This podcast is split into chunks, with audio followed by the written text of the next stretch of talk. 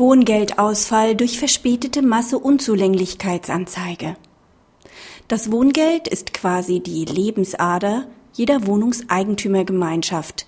Deshalb trifft es eine Gemeinschaft besonders nachhaltig mit der Folge, intensiv auf Abhilfe zu drängen, wenn der das Wohngeld bisher brav zahlende Insolvenzverwalter erst nachdem er drei Monate nicht mehr gezahlt hat, Masseunzulänglichkeit anzeigt.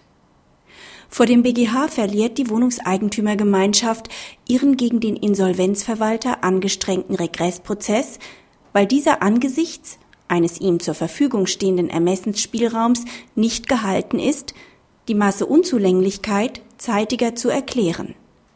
Michael Dahl hat die insolvenzspezifischen Begründungsstränge dieser BGH-Entscheidung bereits in Heft 2 2011 dieser Zeitschrift ausführlich dargestellt. Für das Wohnungseigentumsrecht und dessen spezifischen Belange, insbesondere zu den Wirtschaftsgrundlagen und zu deren nachhaltiger Sicherung, aber lohnt der zweite Blick auf diese neue Rechtsprechung. Praxishinweis. Da die Wohnungseigentümergemeinschaft die Anzeige der Masseunzulänglichkeit nicht zu einem bestimmten Zeitpunkt verlangen kann, muss sie auch das Risiko in Kauf nehmen, dass sie nicht durchgehend auf ihre Forderungen bedacht wird.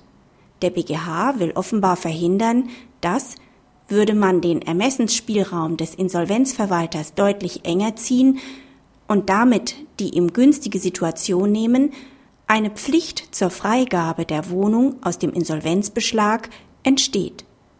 Diese mag zutreffen, sagt aber noch nichts darüber aus, ob sich für das Wohnungseigentum eine solche Verpflichtung nicht möglicherweise bereits daraus ergibt, dass ein Ertrag aus dem beschlagnahmten Gegenstand nicht, jedenfalls nicht dauerhaft, erwirtschaftet werden kann und mit den fortlaufenden Bewirtschaftungskosten eine fortlaufende Belastung der Insolvenzmasse einhergeht.